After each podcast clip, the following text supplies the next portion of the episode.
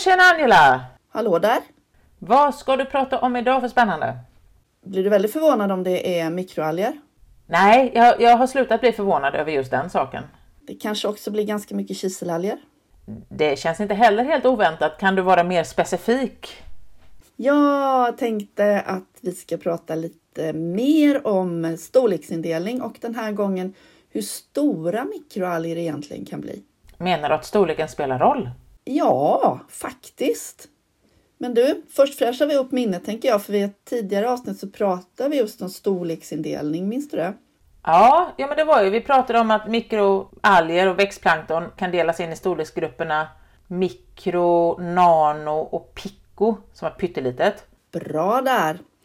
Och vi säger ju mikroplankton, men vi vet ju att det finns mikroalger i de här storlekarna som även lever på botten och isar och på andra ställen. Ja, det har vi pratat om också tidigare. I den här storleksindelningen så hade vi mikroplankton mellan 20 och 200 mikrometer.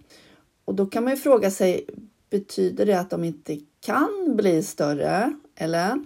Jo, de kan bli större faktiskt. De kan faktiskt bli mer än 100% större än 200 mikrometer. De kan bli över en halv millimeter. Bra! Du har lärt dig något.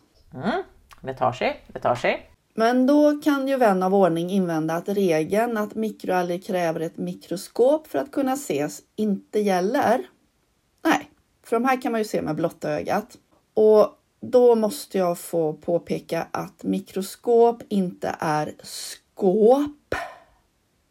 Det stavas med O och inte Å. Nästa gång jag ser ett Å när någon skriver mikroskop så tar jag fram den riktigt stora röda pennan. Och den lilla bambukäppen. Jag instämmer till 100 procent. Då har språkpolis Angela talat. Men du, blir du förvånad om jag säger att vi kan hitta kiselalger som kan bli så här stora? Nej, jag har slutat bli förvånad vad det gäller kiselalger. Jag tror de är kapabla om allt. Helt rätt. En art som jag brinner lite särskilt för det är den bottenlevande kiselalgen Eurosigma balticum. Och den är marin och hittas lite varstans i världen och inte bara då i Baltikum. Så här luras namnet. Jag är lite besviken faktiskt. Men den finns i Östersjön alltså? Ja, i Östersjön i vid bemärkelse. Jag kan inte påstå att jag har sett någon dokumentation norr om Stockholm i alla fall, men jag kan faktiskt ha missat det, jag erkänner. Men då är vi i egentliga Östersjön i alla fall. Hur ser den ut då? Jo, Eurosigma balticum är svagt S-formad. Den är lång, alltså upp till en halv millimeter lång. Och den är så stor, förutom att den är, har den här storleken så gillar jag den för att den är speciell på många sätt. Det här är alltså en kiselälg som kan röra sig upp och ner i sedimentet. Men den kan också förbli upprätt, alltså stående om du fattar vad jag menar. Ja, den här kommer jag ihåg från marin botanik. Just det. Och den bildar en liten slemtub som förankrar cellen i sedimentet. Och det häftiga är att den kan vara upprätt i flera timmar och sen så rör den sig ner igen. Och då behöver den, den liksom, som en slemtub så att den inte sitter helt fast. På tidvattenskuster så brukar den här rörelsen synkroniseras med tidvattnet, men det kan också synkroniseras med ljus.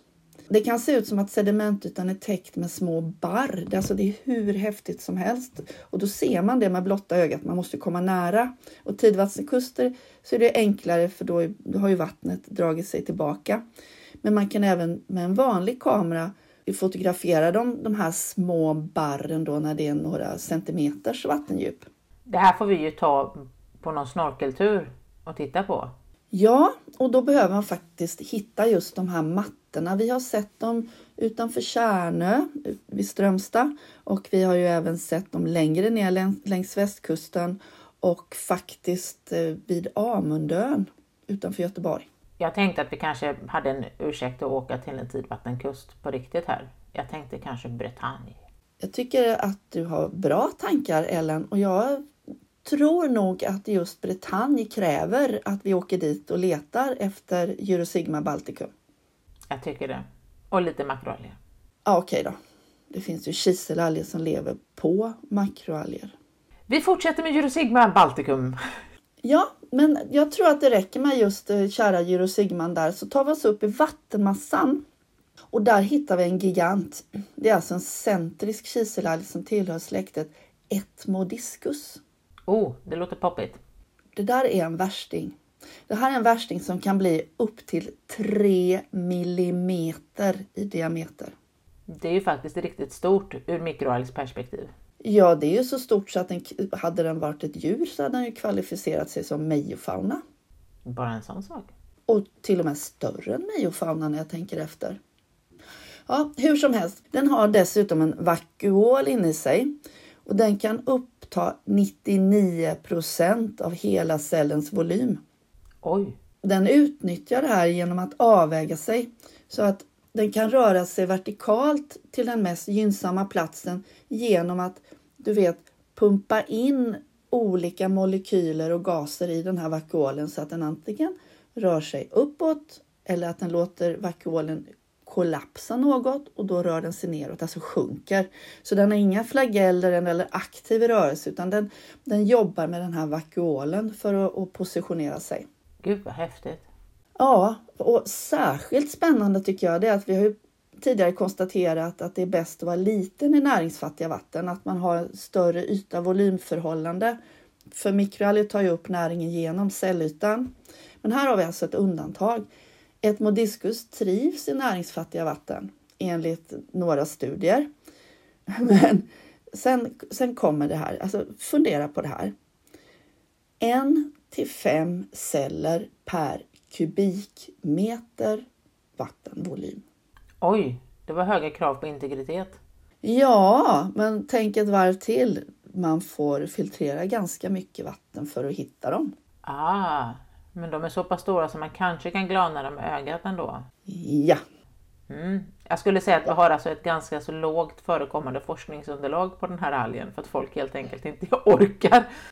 men samtidigt så är det ju en art eller ett släkte som fascinerar många forskare så att det finns allt en del artiklar eh, om den och den är svårodlad så att när man ska studera fysiologin så är det en utmaning minst sagt.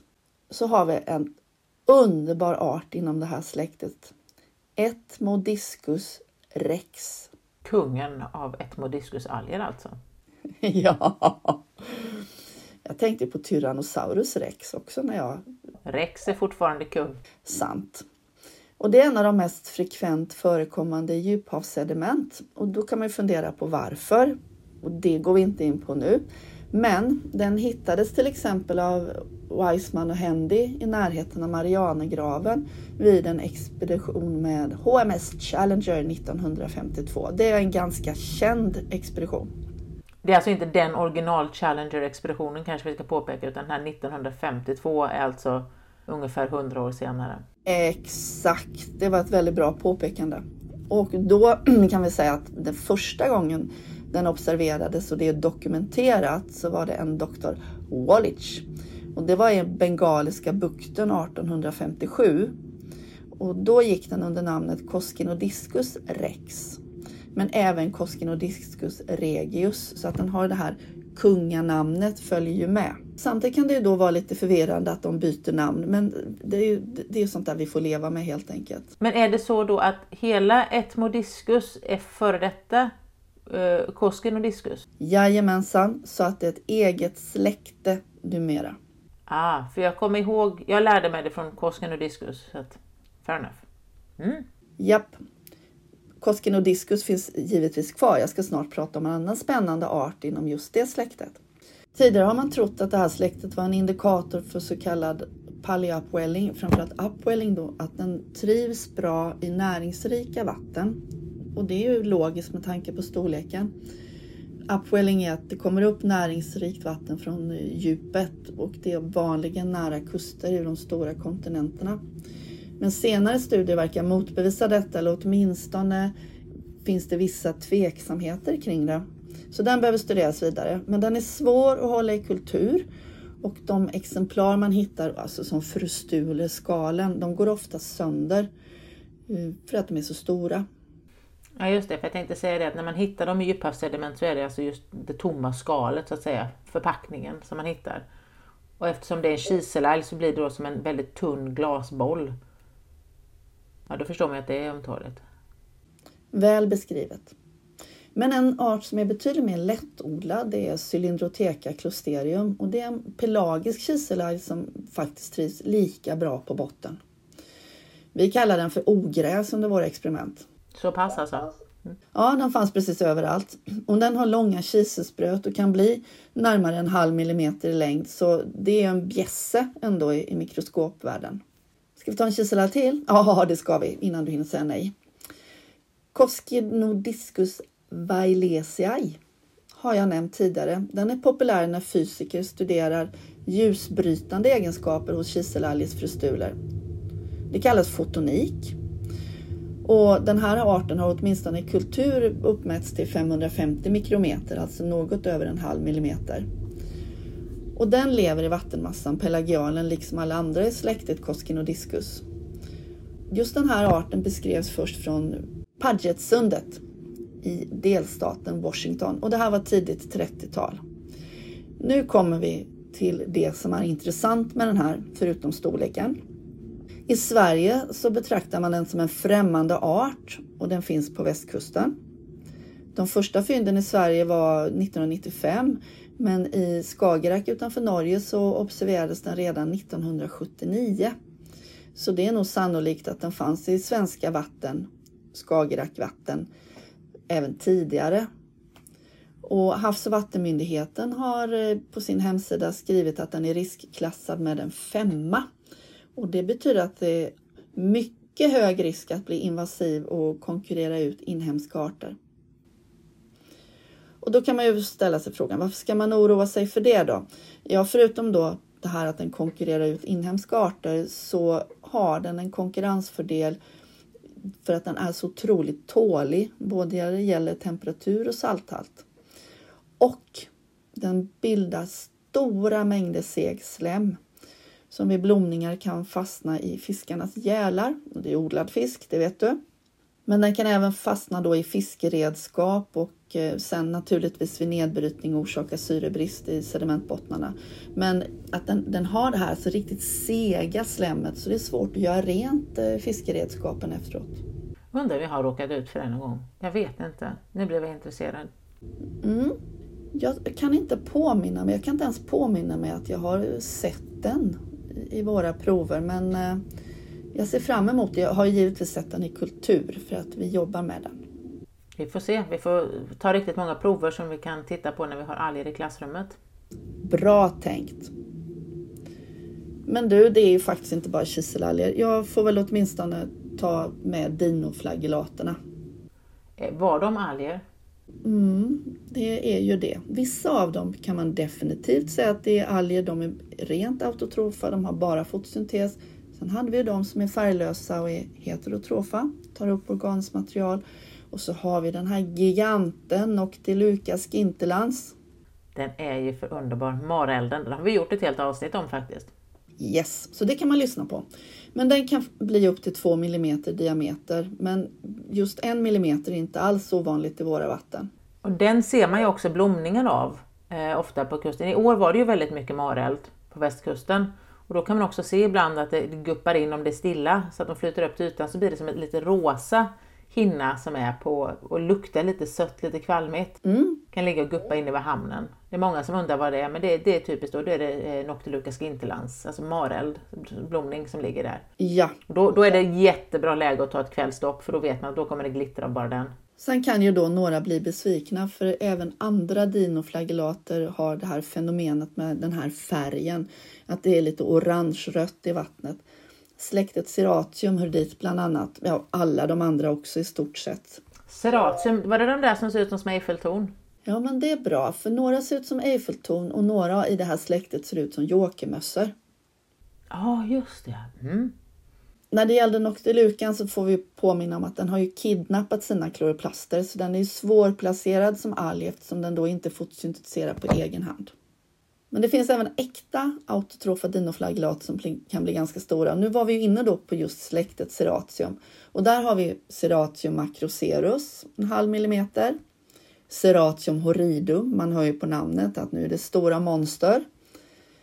400 mikrometer och Seratium longipes, där har vi ju lång då, ja, 350 mikrometer kanske. Så det är ju strax under en halv millimeter.